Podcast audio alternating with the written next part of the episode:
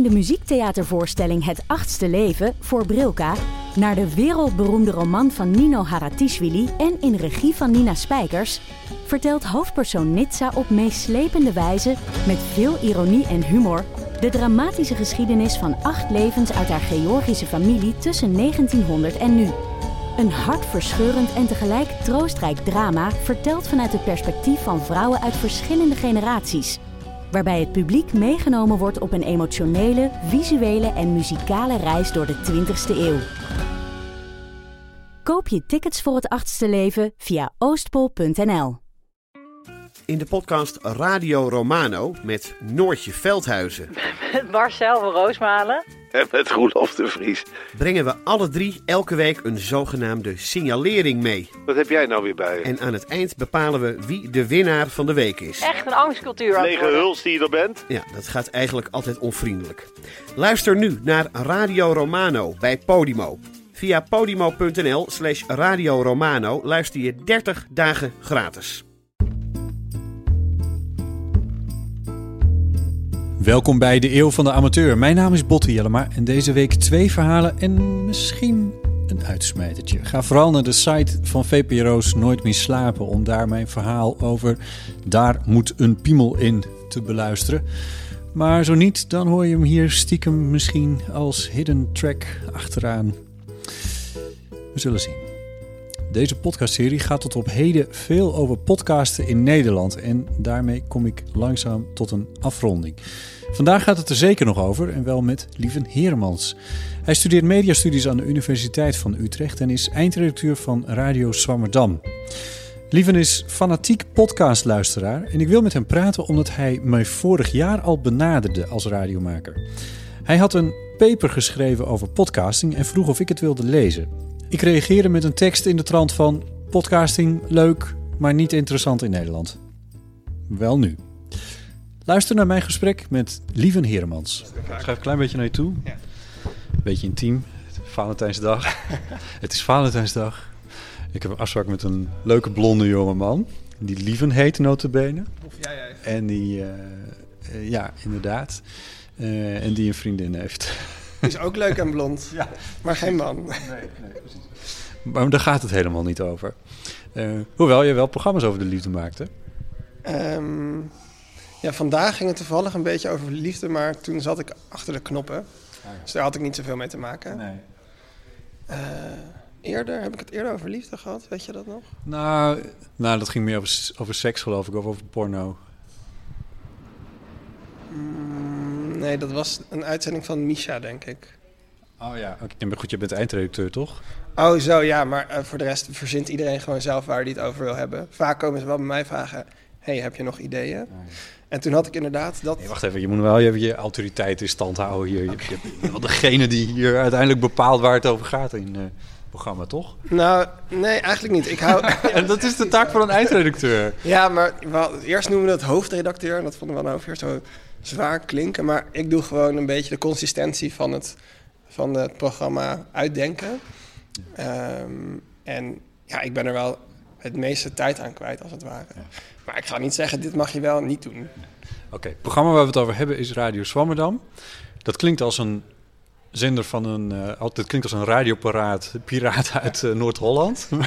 Dat is, dat is het niet. Ehm, eh, het hoort bij Amsterdam FM, de stadszender. De stem van de hoofdstad. De stem van de hoofdstad. Kijk, daar gaan we. Waar trouwens veel nieuwslezers vandaan komen van oudsher. Mhm. Veel mensen die beginnen met nieuwslezen bij, bij, de, de, bij de stadsradio hier. Ja, eigenlijk is het voor iedereen een soort van springplank.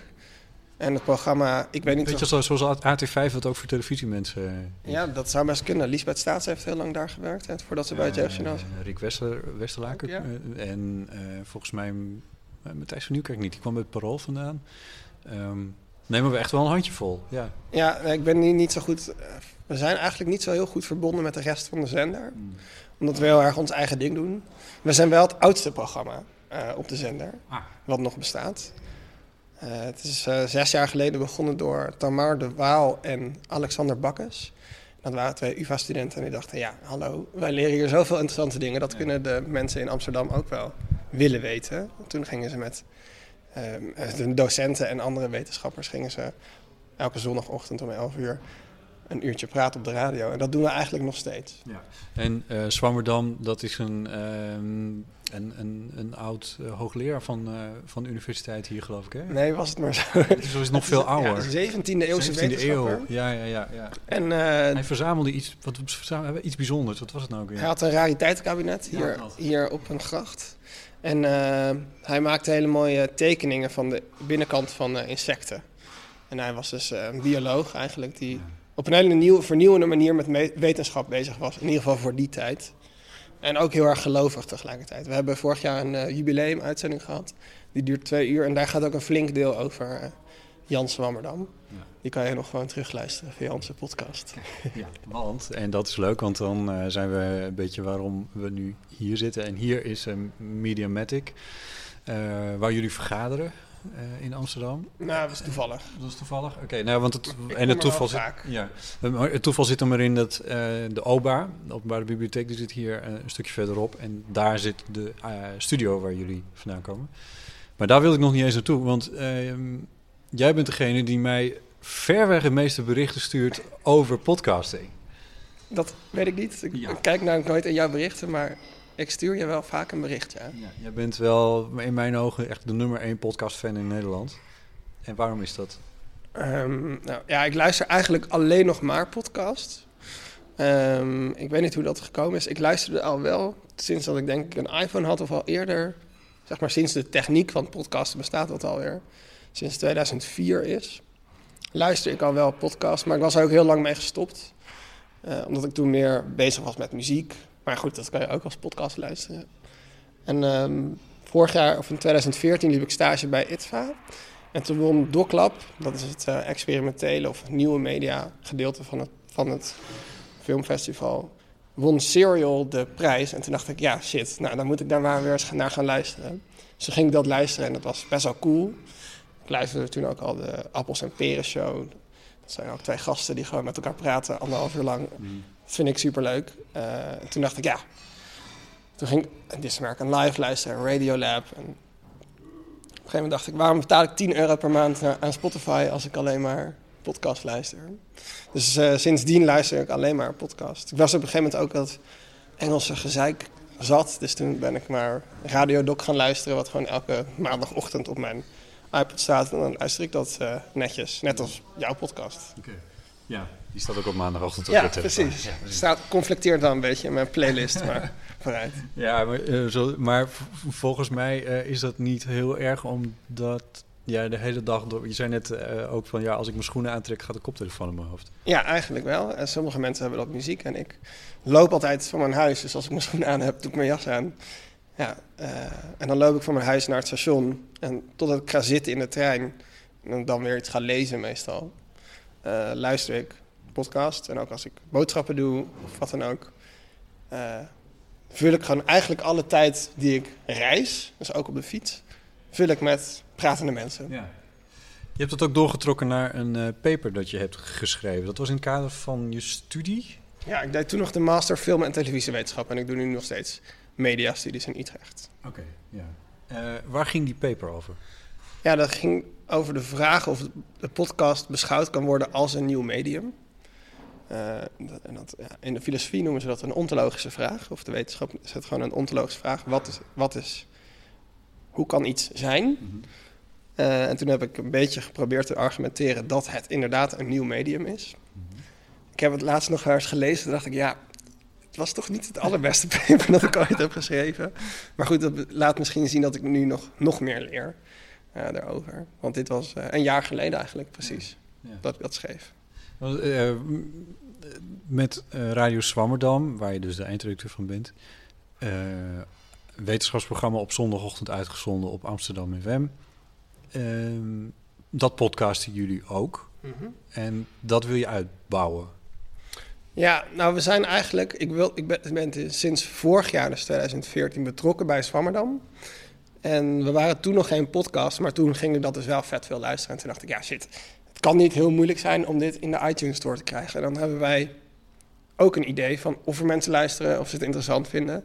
Want Amsterdam FM uh, is te klein om uh, te meten hoeveel mensen er live naar luisteren.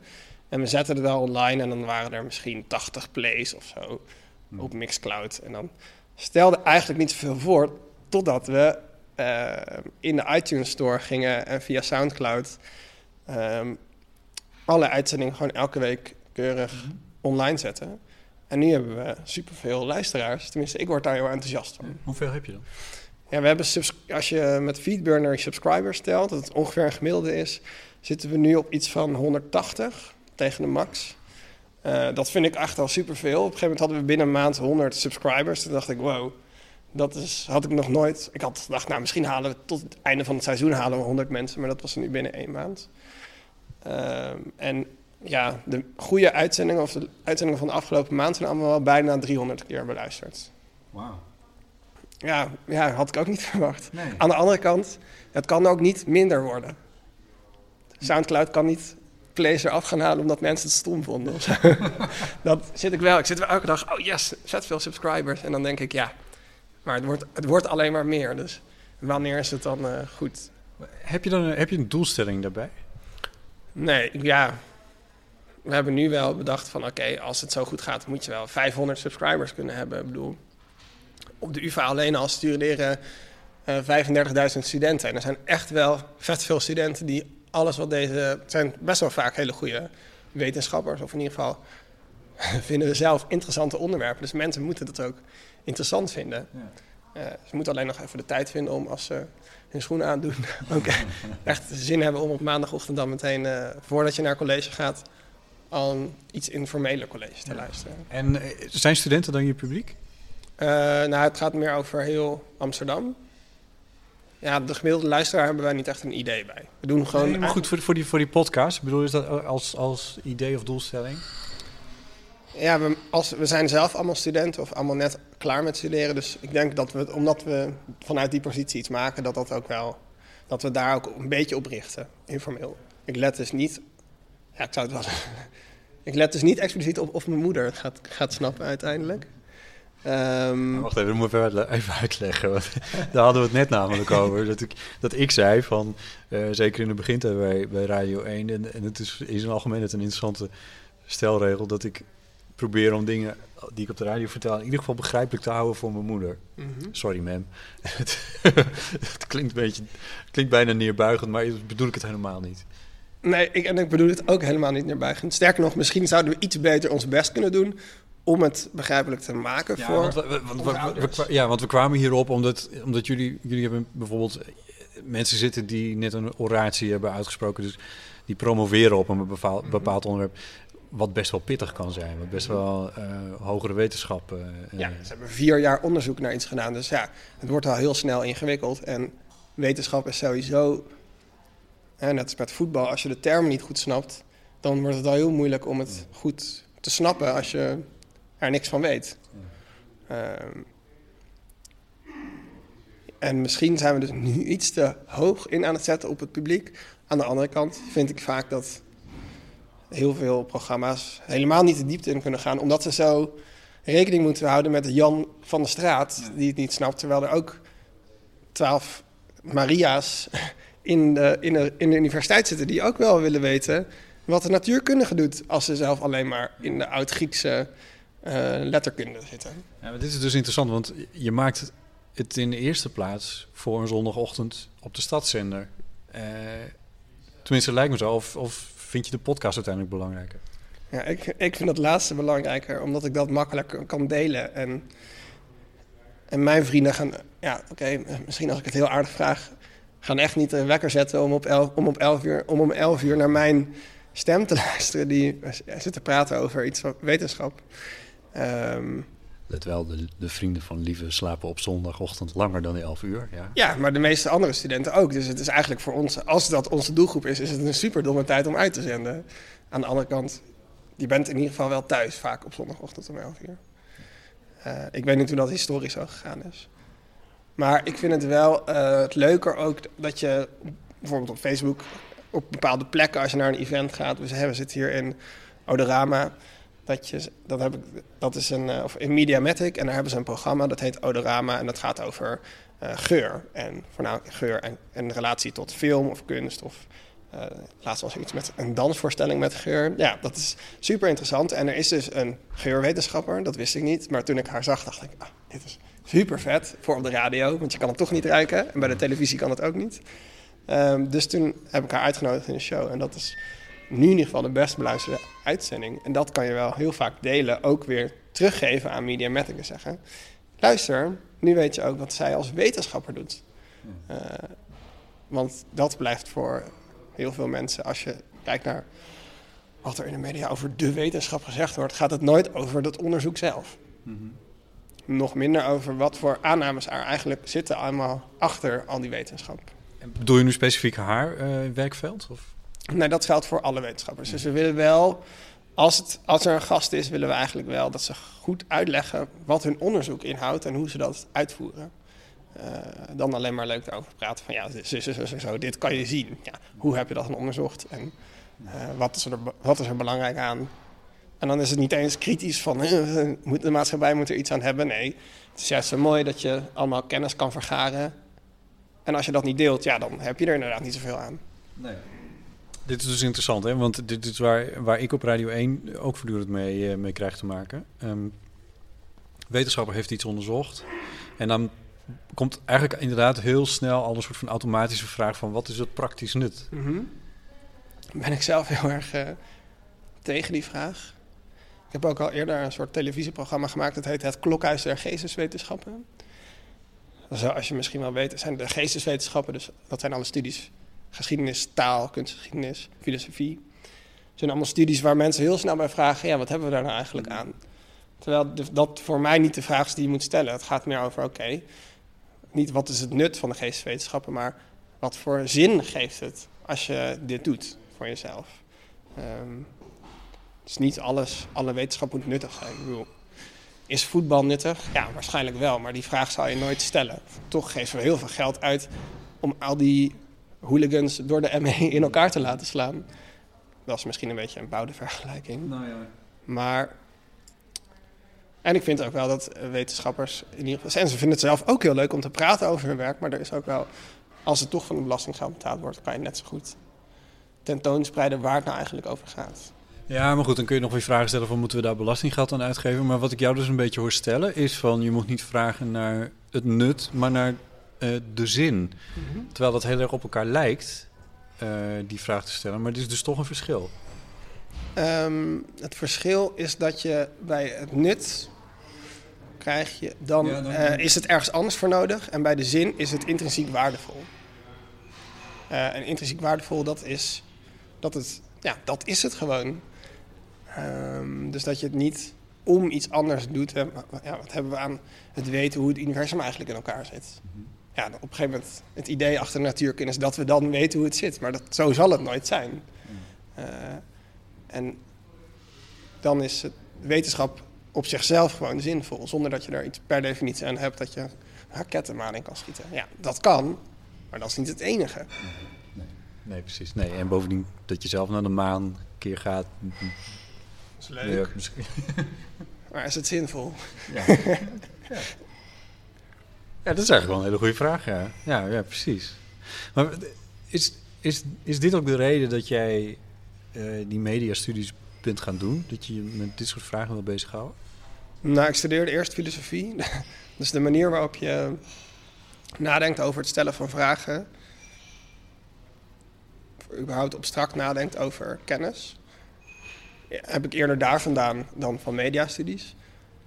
Uh, op een gegeven moment ging ik, denk ik, net als elke mediastudent, denken: oh ja, dat is eigenlijk wel leuk media, misschien moet ik het gaan studeren. Mm -hmm. Ja, nu doe ik het ook wel best wel op een abstract niveau, maar dat vind ik juist heel leuk.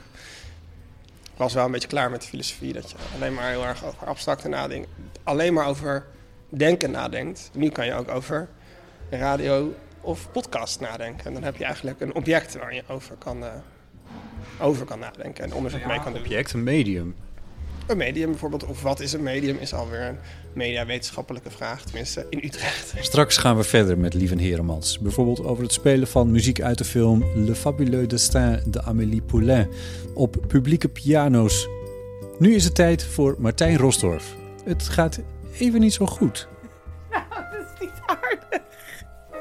Waarom doe je dat? Omdat we slaande ruzie hebben. Ja, slaande ruzie.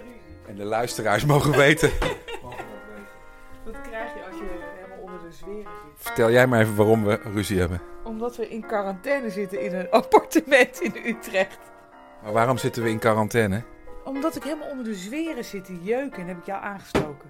En waarom zit je helemaal onder de zweren die jeuken? Omdat we in Barbados iets hebben opgelopen wat we niet weten wat het is. En niemand kan een diagnose stellen. En ik, alles zit nu op kweek. En ik heb allemaal testen moeten doen in het UMC gisteren. Waarom zit je mij te interviewen? Ja, nou, dan zit jij ook eens in de podcast. Goed. Ze wilde je in de podcast. Vorige week stond ik nog ontzettend op te scheppen op een strand in Barbados. Wat een geweldig leven ik had. Ehm, deze week is de situatie ietsje anders. Ik weet niet of jullie het begrepen hebben, lieve luisteraars, maar we zitten in quarantaine in Utrecht. We mogen niet in contact komen met kleine kinderen en kwetsbare volwassenen. Ja, dat beperkt de mogelijkheden toch. Kan je dan naar de IKEA? Nee, hè? Nee. Nee, nee. Dus we zitten in een appartement, in een appartement opgesloten. En uh, uh, dus de podcast van deze week uh, gaat zich afspelen op 90 vierkante meter. En dat is best klein, 90 vierkante meter. Om daar, ook al hou je heel veel van je echtgenoten, dat wordt na een paar dagen wordt dat toch Wat? licht. hoe zeg je dat? Licht, ja, zeg het. Dat wordt toch een beetje frustrerend. En de jeuk. De jeuk is echt. We zijn verder niet ziek. Maar het is wel iets geheimzinnigs. Ja, we voelen ons een beetje niet lekker, maar. Algehele malaise is het volgens de deskundigen wat we hebben. Nou ja, uh, anyway. Dan uh, moet je dus maar roeien met de riemen die je hebt. Gelukkig zijn er veel boeken. Het internet doet het. De tv, dat is weer minder. Ziggo, dat is niet echt een uh, hele goede aanbieder, maar vooruit. En ik heb natuurlijk mijn uh, elektronische drumstel vandaag op standje drum and bass ingesteld.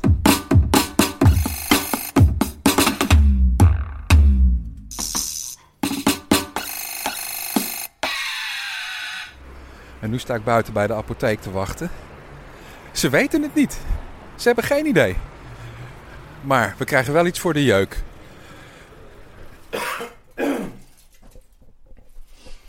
Ja, inmiddels zijn we een paar dagen verder en um, word ik mijn eigen huis een beetje zat. We zijn wel even naar buiten geweest om te wandelen en even naar de supermarkt. Maar ze weten nog steeds niet wat we hebben. En ze weten ook niet in hoeverre het besmettelijk is. Um, er zijn allerlei doktoren die ernaar gekeken hebben. Het gaat goed trouwens hoor. Ik, zit, ik zie eruit als een melaatse. Met overal uh, rode vlekken die een waanzinnig jeuken. En het is grappig, we hebben vijf, zes, uh, vijf artsen gezien in totaal. Dus um, allemaal met andere deskundigheden, dermatologen, uh, infectieziektespecialisten. Maar ze weten het niet. Dus wordt daar gewerkt, er is ook een stuk huid weggenomen om te laten onderzoeken en zo. Maar intussen gaat het redelijk. Um, de jeuk is onder controle met een soort bionische zalf. Waar je, geloof ik, die geeft licht in het donker. Maar het werkt wel heel goed. Dus dat biedt enorme verlichting. Nou, we moeten nog een paar dagen binnen blijven voor de zekerheid. Althans, contact met kinderen en kwetsbare volwassenen vermijden. Um, en dan, uh, dan zal het allemaal wel weer goed zijn. Maar het is een geheimzinnig verhaal. En uh, misschien wordt het vervolgd, maar misschien ook niet. En intussen kijk ik, wat kan ik hier doen in mijn huis? En uh, ik heb een hoop boeken. Ik heb mijn drumstel. Ik heb uh, Netflix, alhoewel. Netflix is niet meer helemaal wat het geweest is sinds je naar niet meer naar Engelse, de Engelse Netflix kunt kijken als je in Nederland bent. Dat hebben ze geblokkeerd. Dat kan, dat kan nu gewoon echt niet meer. Um, maar goed, ik vermaak me wel. Bill Bryson, een van mijn favoriete schrijvers, uh, met B-R-Y-S-O-N op het eind. Onthoud die naam. Die man heeft ooit een boek geschreven over alles wat er zich in zijn huis bevindt. Ja, dat is fantastisch. Dat is echt een aanrader, dat het boek. Um, maar goed, ik vermaak me wel, wou ik zeggen. Um, het is alleen een beetje, ik ben dus in Nederland en het is een beetje een tegenvallende vakantie tot nu toe. Want uh, we waren hier om een paar dagen eh, uit te rusten en vooral heel erg veel mensen te zien. Maar ja, dat valt dus een beetje tegen. We vliegen elkaar nog niet in de haren. Maar uh, ik geloof niet dat mijn echtgenote nog in de podcast zal verschijnen. Dat stukje aan het begin, dat moeten jullie maar als een, uh, een grote uitzondering beschouwen. Ze staat nu te koken trouwens. Um, niet dat ze dat nooit doet, maar zo uitgebreid, dat is wel, dat is wel vrij zeldzaam. Maar goed, dat, uh, dat zijn dan weer de voordelen. Ik sta uh, lampen op te hangen en te verwisselen. En de keukenkastjes zijn al uitgestoft. Dus uh, het is ook goed voor dit appartement. Wat anders eigenlijk, normaal gesproken, ze door het jaar best wel verwaarloosd wordt. Maar dat gaat trouwens veranderen. Want ik kreeg vandaag nieuws dat ik eigenlijk tot mijn grote uh, verrassing en tegen eigenlijk alles in wat ik aan het doen ben normaal gesproken, een vaste klus ga doen. Ik ga elke week op vrijdag dezelfde klus doen. Voor de Avro Tros, Avro Tros, Radio 1. Um, de rubriek verzorgen van uh, Lammert de Bruin. Die gaat het uh, niet meer op vrijdag doen. En ik neem dat van hem over. Waar ik ook ben. Of dat dan vanuit Engeland is, of Bart Bedos, of Utrecht. Uh, of Hilversum gewoon in de studio.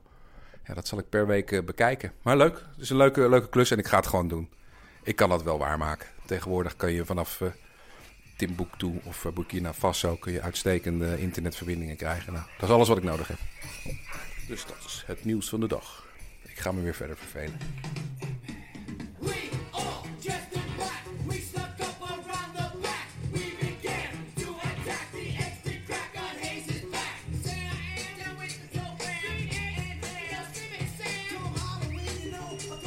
Het is wel weer mooi geweest deze week. Ik ga deze uh, bijdrage beëindigen. Ik uh, heb heel veel CD's gedraaid deze week.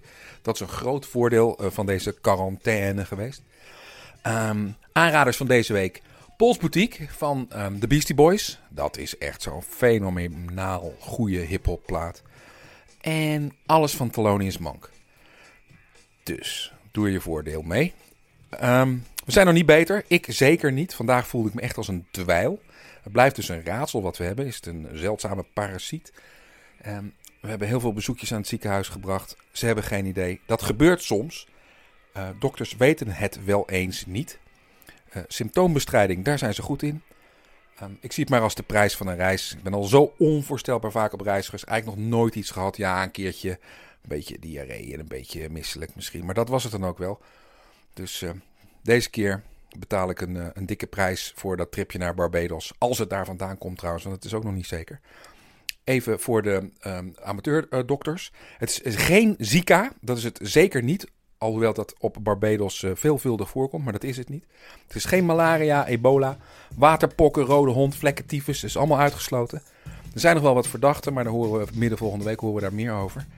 Um, per woensdag wordt de quarantaine beëindigd. En dan ga ik ook meteen weer aan het werk, samen met Botte overigens. Uh, we hebben samen zijn we gevraagd om een, een hele leuke klus te doen. Intussen in Engeland zijn de huisartsen in staking. Staat het zuiden onder water en ligt het noorden onder een dikke laag sneeuw en ijs. Maar ja, goed, daar heb ik dus even verder vrij weinig zicht op. Waarschijnlijk volgende week weer meer nieuws uh, uit de Albion. Eerst maar eens even die quarantaine uitzitten en beëindigen. Dus dat was het. Ontzettend bedankt voor het luisteren. Tot de volgende keer. Dag. Ja,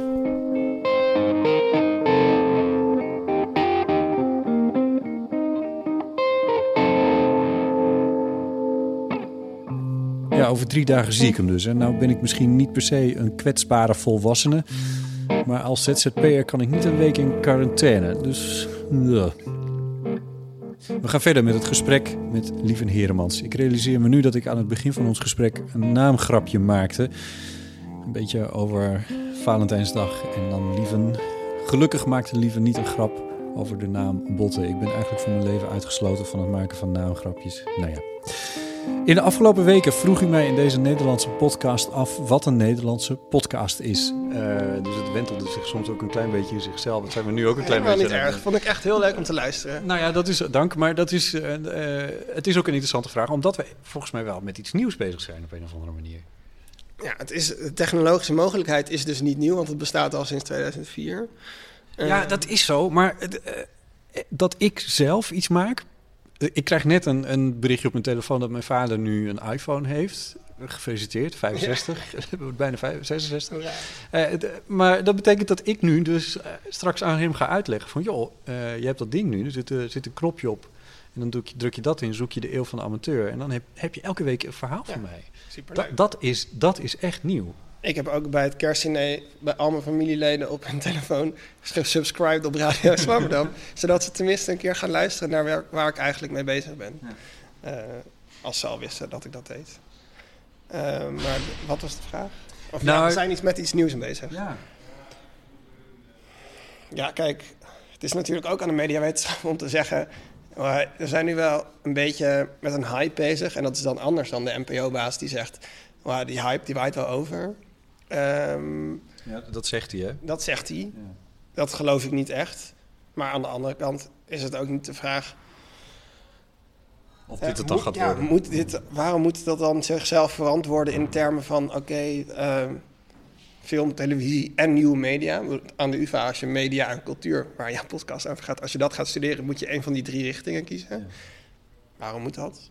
En ja, het, dat er meer mensen naar luisteren, dat is wel nieuw. Tenminste, ik denk dat het heel belangrijk is dat je het kan downloaden op je telefoon, net als een Spotify-playlist.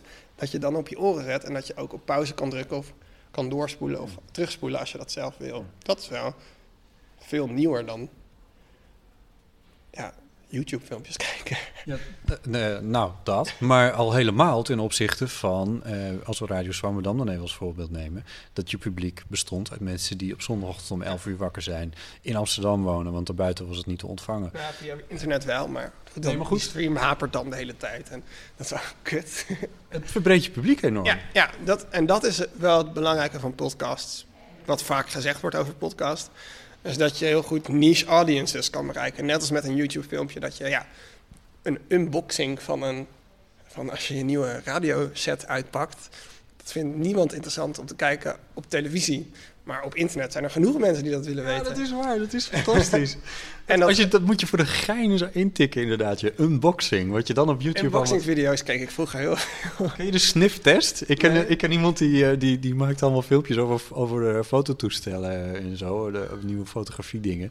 En die doet altijd, dus, die, dat, noemt- dat heet dan ook, dat is een soort unboxing filmpje. Dus dan pakt hij inderdaad die doos uit dat je denkt van, what the fuck? En dan, als een soort kers op de pudding, doet hij de sniftest. Dus dan gaat hij ruiken aan het nieuwe apparaat. Ja, dat is echt hilarisch. Ja, superleuk. Ehm, ik weet niet of we dat op de radio ook kunnen doen. Nou ja, misschien komen we hier weer bij jouw geurenprofessor.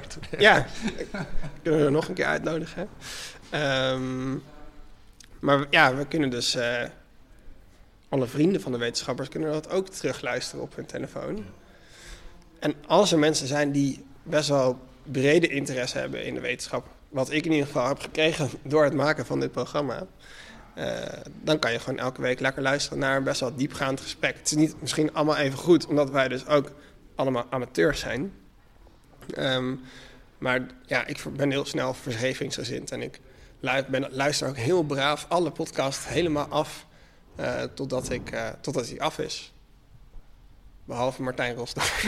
Oh, nee, echt? ja, nee, ik heb hem laatst voor het eerst doorgespoeld. Maar ik moet eerlijk toegeven dat ik ook... eh dat was een radiodoc en dat was alleen maar, alleen maar stemmen de hele tijd. Toen dacht ik, ja, dit is gewoon saai. Ik kan hier niet 50 minuten naar luisteren. Terwijl in Zwammerdam doen we wel ook ons best met een columnist... die dan weer even een ander verhaaltje vertelt. En Martijn die monteert er allemaal meeuwen tussendoor en zo.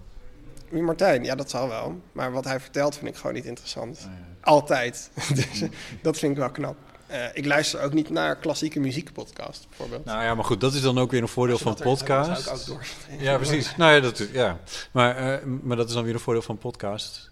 Eh, het is een kwestie van een schuifje even verzetten. En Ja. dat kan met 15 Radio seconden. 1. Ja, dit moest wel... Ik kan dus 15 seconden doorspoelen. Ja, op een iPhone. Ik weet niet of dat bij alle zo is. Maar... Nou, je kan ook verschillende apps gebruiken. Maar voordat ik 10 minuten was doorgespoeld, duurde wel even. Maar goed. Ja, want dan moet je eh, vier keer per minuut keer 10 is 40. Ja, 40 keer te klikken. Jeetje, wat een Of schuiven, ja. Nou, dan kun je toch net zo goed even luisteren.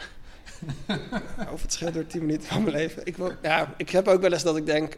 Want je kan hem ook twee keer snelheid doen. Dat verpest natuurlijk alles. Maar ik luister bijvoorbeeld ook... Lieve, echt. Het is, het is hartstikke leuk wat hij maakt.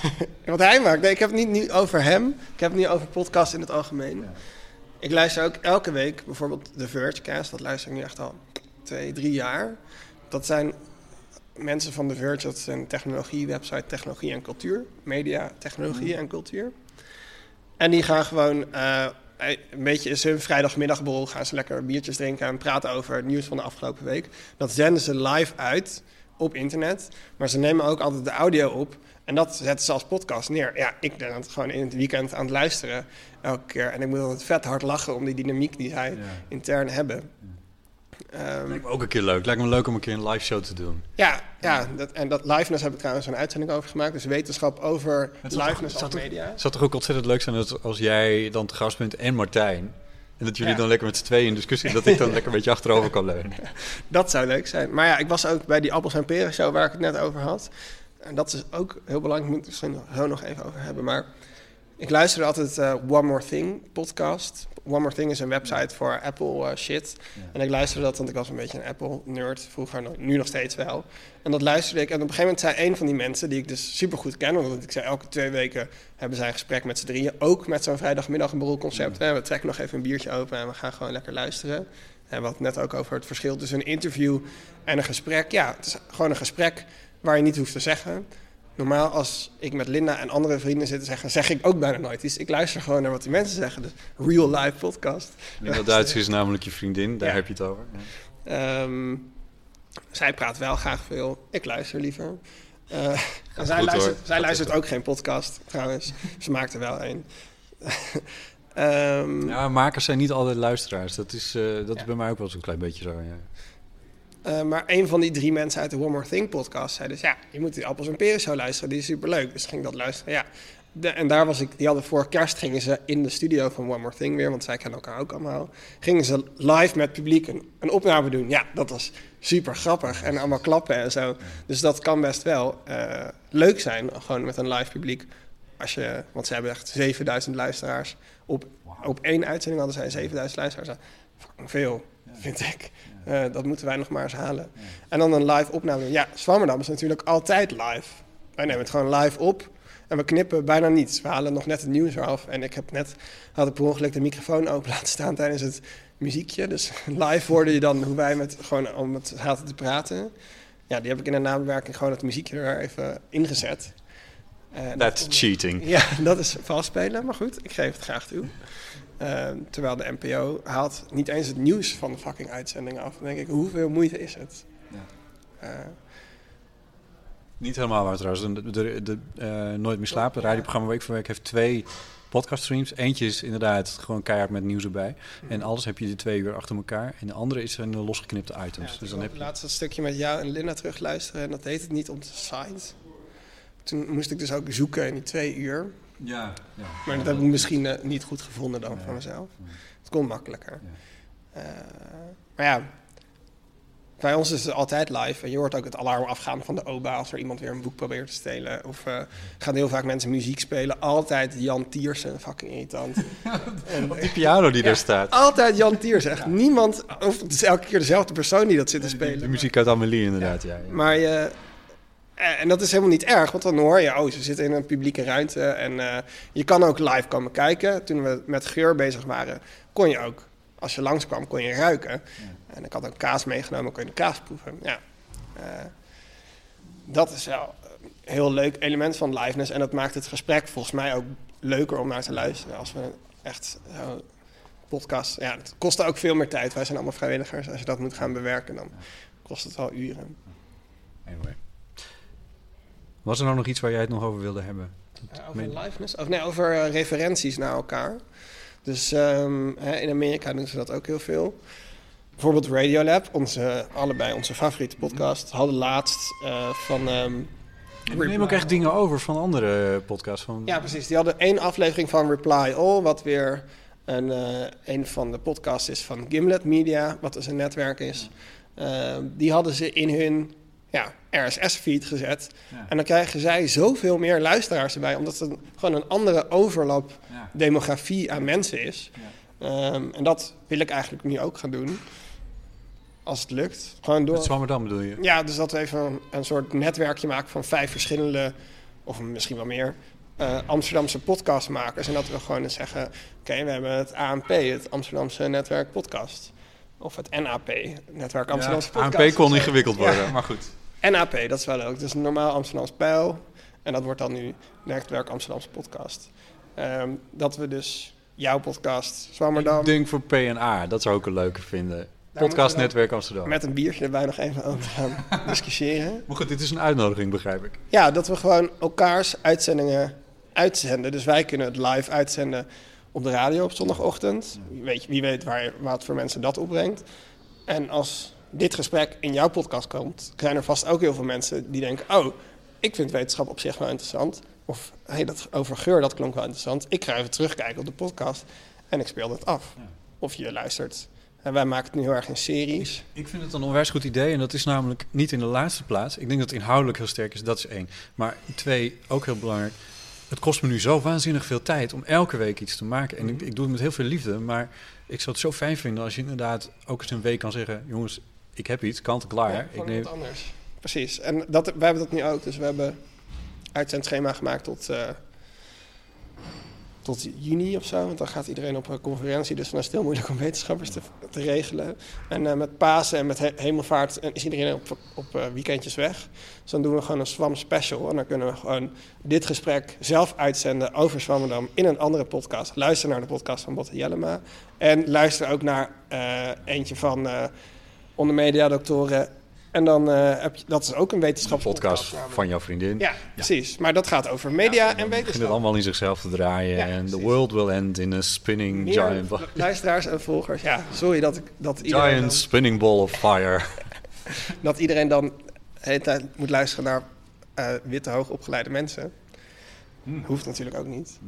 Uh, maar dat is het idee erachter. ik weet, niet, ik weet eigenlijk helemaal niet zo goed wat, wat, wie, wat voor mensen er in Amsterdam specifiek podcast maken. Nee. Maar daar komen we wel achter. Ik vind het een heel leuk idee. Er zijn nog zoveel ideeën dat, dat je alleen maar... We aan het begin van iets nieuws. Ja, nou ja, dat, dat klinkt gek, maar, maar dat is toch, toch het gevoel wat je krijgt als je, als je denkt van... Er zijn nog zoveel ideeën. Mhm. In plaats van dat je je afvraagt van... Wat zullen we in godsnaam nog eens gaan doen? Ja, nou, de, je kan gewoon heel veel kopiëren van wat er in Amerika al gebeurt. En dat, ja, dat er nou misschien wat minder mensen luisteren, dat maakt het niet minder leuk. Nee. Of waardevol. Het hoeft niet alleen maar nuttig te zijn.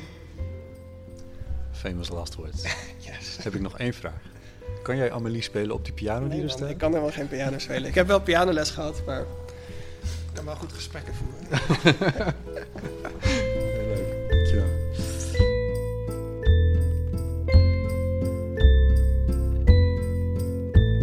Lieven Heremans. De podcast van Radio Zwammerdam is te vinden in de iTunes Store en op alle andere logische plekken waar je podcast vindt.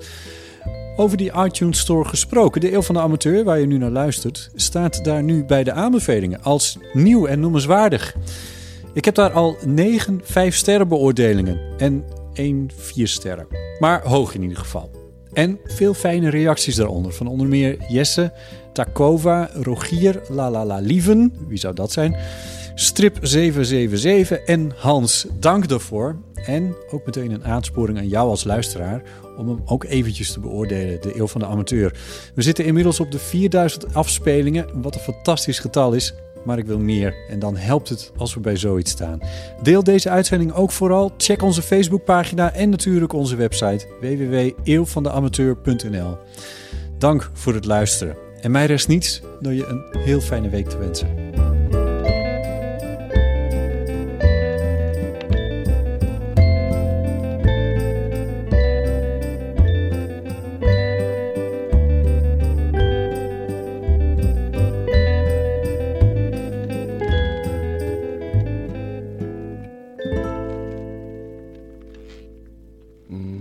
Dit verhaal begint met Jan Roos. Die is verslaggever van het weblog Geen Stijl en hij is ook fanatiek twitteraar.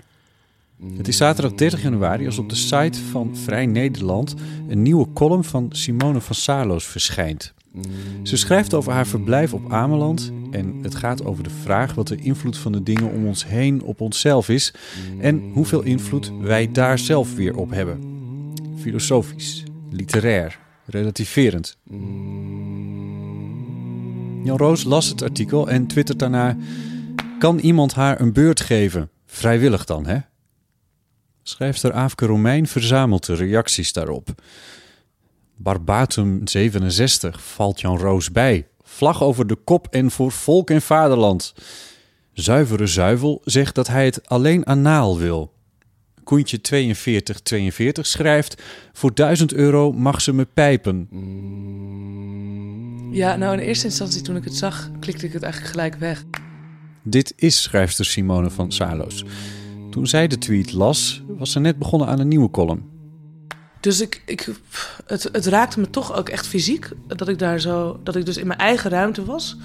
Uh, een gedachte aan het formuleren was. En dat in die gedachte ja, drong zeg maar de, de, de abstracte piemel van Jan Roos en zijn volgers binnen. Zo van dat ik die dan maar in mij moest hebben of zo. Ja, en ik, het is niet echt dat ik dus werkelijk fysiek dat dan voor me zag, maar ik voelde wel. Ze voelde wel dat wat er nu tegen haar werd gezegd, zo vaak tegen zoveel vrouwen wordt gezegd. Maar het had inderdaad helemaal niets met het stuk te maken. Dus er is geen enkele inhoudelijke verdediging mogelijk. En ik denk dat dat in zekere zin het pijnlijke is. Want het is niet zozeer dat ik bijvoorbeeld. Het is niet dat ik bang werd van. Oh jee, eh, nu zal het fysiek op me afkomen of zo. Maar toch voelde ze zich in de verdediging geduwd. De verdediging van zichzelf of de vrouwen. Is het humor om naar een vrouw te roepen dat er een piemel in moet? Uit angst voor agressie. Uit angst voor represailles. Dit kreeg Dasha Abres te horen bij een inspraakavond over een mogelijk toekomstig AZC in Steenbergen. Jullie willen gewoon piemel hebben! Jullie willen een piemel! Ha! Jullie kunnen een piemel krijgen, want jullie zijn lelijk! Dit riep Fabian naar een paar vrouwen die in Spijkenisse tegen de aanwezigheid van Geert Wilders protesteerden, met een kleuter op zijn arm. Daar moet een piemel in! Daar moet een piemel in! Is dit grappig? Moet je hier als vrouw tegen kunnen? Eh, volgens mij was het Wittgenstein, maar goed, maakt niet uit wie het was. Uh, die zei dat uh, humor is als een spel. En je gooit een balletje over. En als iemand niet lacht, dan vangt iemand eigenlijk dat balletje niet. En dan onderbreekt diegene dus het spel. Als je niet lacht, dan maak je de afzender eigenlijk bang, zegt Simone. Want als je het opgegooide balletje niet vangt, zeg je in feite: Ik vind jouw balletje niet zwaard. Als het in het maatschappelijke debat in Nederland gaat over racisme of over seksisme of een andere vorm van discriminatie, dan doen we dat steeds aan de hand van een grap. Dus of het nou is Gordon die over die uh, Chinese rijst of zoiets een grap maakte, uh, of, of zelfs, hè, zelfs een symbool als Zwarte Piet, uh, wat dan zo van ja, het is toch gewoon gezellig. Hè, dus dat meedoen, die eis van meedoen, ik denk dat die heel, heel belangrijk is in die humor.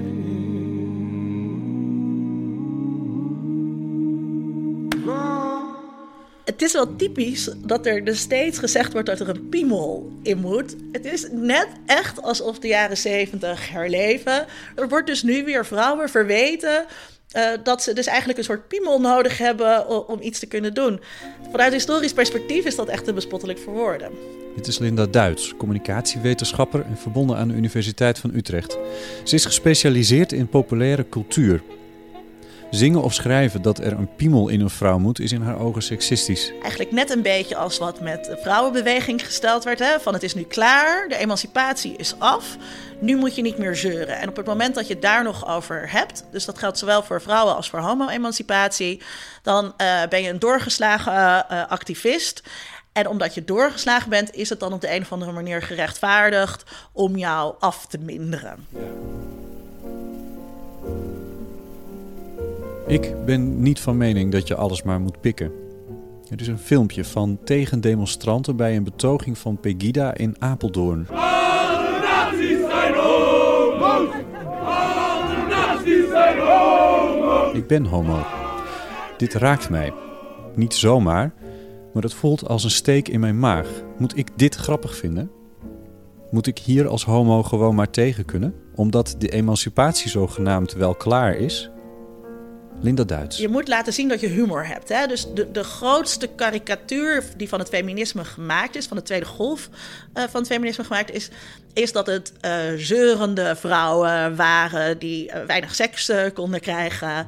Terwijl tegelijkertijd nu in deze tijd wel gezegd wordt dat die politieke eisen die zij hadden, die inmiddels voor een deel behaald zijn, dat die ook relevant waren en dat dat, dat, dat goed is. Maar is dus dat steeds dat punt, feminisme is af en alles wat daarboven is, Uh, dat moeten we eigenlijk niet meer hebben. Tenzij het natuurlijk gaat over moslimvrouwen, want die mag je altijd alsnog uh, redden. Datzelfde geldt ook als het gaat over homoseksualiteit. Dus de homo-emancipatie is af.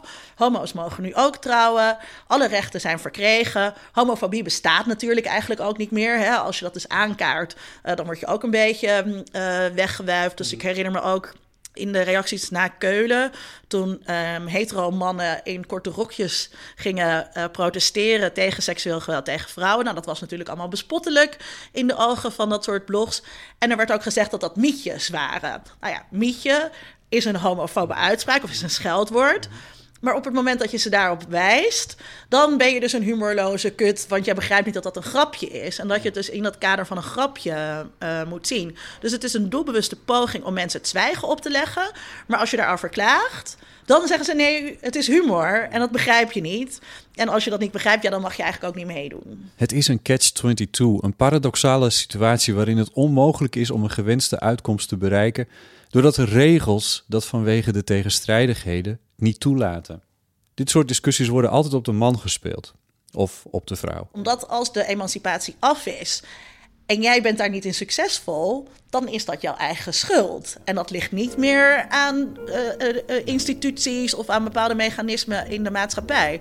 Dus daarom wordt het altijd op jou als persoon uh, gespeeld. Want het wordt individueel gemaakt, want het kan niet aan de structuren liggen. Hoe komen we hieruit? Simone van Saarloos denkt dat we in Nederland om een of andere reden niet in staat zijn om te communiceren over discriminatie. Je had bijvoorbeeld van de week Kenneth Vermeer. De keeper van Feyenoord die eerder voor Ajax speelde. En er werd zo'n pop opgehangen, wat natuurlijk een vreselijke verwijzing is naar Strange Fruit. Kenneth Vermeer is Nederlander van Surinaamse afkomst. Hij heeft een donkere huidskleur. Strange Fruit is een jazznummer dat een aanklacht is tegen racisme het lynchen en als vreemd fruit aan een boom ophangen van zwarte mensen. Black swinging in the southern breeze. Het is door de maker van de pop of als gruwelijke verwijzing gebruikt, of hij had er geen weet van wat voor afschuwelijks hij eigenlijk communiceerde. In ieder geval in die persconferentie zei Kenneth Vermeer die wilde het heel duidelijk alleen over voetbal hebben. Dus die vermeed het gewoon. En die zei, ja, ik ben het wel gewend. Ik ben het wel gewend. Ik heb wel het een en ander meegemaakt, dus uh, ik sta daar niet meer zo van op te kijken. En ik moest aan denken, ik vond het enerzijds zeer krachtig. Omdat het bijna komisch was hè, hoe hij omzeilde wat de, de, de, verslaggever uh, wilde haken, wilde pakken. En anderzijds dacht ik, ja, maar je kunt wel zeggen, ik ben het wel gewend. Maar je mag het niet gewend zijn. Het mag niet iets zijn waar je aan moet wennen. En het mag ook niet iets zijn. In zekere zin dacht ik, ja, het is wel binnen jouw macht om als voetballer om je hierover uit te spreken. Here is a fruit for the crows to pluck. Is uh, heel erg voorbehouden aan voornamelijk groepen mannen uh, die dat doen. En voornamelijk groepen hetero mannen. Terug naar de tweet kan iemand haar een beurt geven vrijwillig dan? Hoe moeten we reageren? Linda Duits.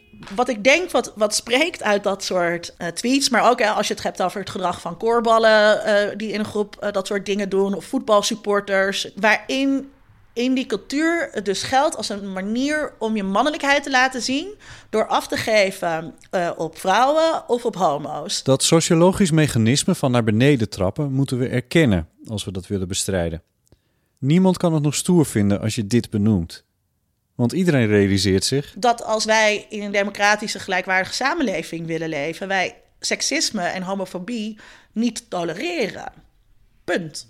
Linda Duits pleit ervoor om in zulke groepen waarin het gebeurt in te grijpen. Uh, en laten zien uh, hoe dwingend het is om iemand homo of hoer te noemen en wat voor gevolgen dat heeft. En dat is een, punt waarop je daarin kunt interveneren, wat volgens mij veel beter werkt dan dat we nu massaal ja, iemand van geen stijl aan de, aan de schandpaal gaan nagelen uh, en zeggen dat we dat niet oké vinden. Want daarmee lijkt het ook alsof het in de rest van de samenleving niet gebeurt. En ik denk dat dit echt een diep geworteld probleem is. En wat ik eerder zei over humor, waarbij humor dan iets is als een balletje wat we rondspelen. Als zij of hij het balletje niet speelt, is er dan iets mis met het balletje misschien? Gooi ik misschien niet goed aan? Zou ik mijn spel een keer moeten veranderen? Here is a strange Sommigen komen keihard aan. Te hard. Ze doen pijn. Ze zijn vrouwenvriendelijk, homofoob, racistisch. Het getuigt van beschaving als afzenders zich daar rekenschap van geven. Het lijkt mij een goede zaak om afzenders wat vaker aan te spreken op hun ballen. Omdat ik hier niet aan wil wennen.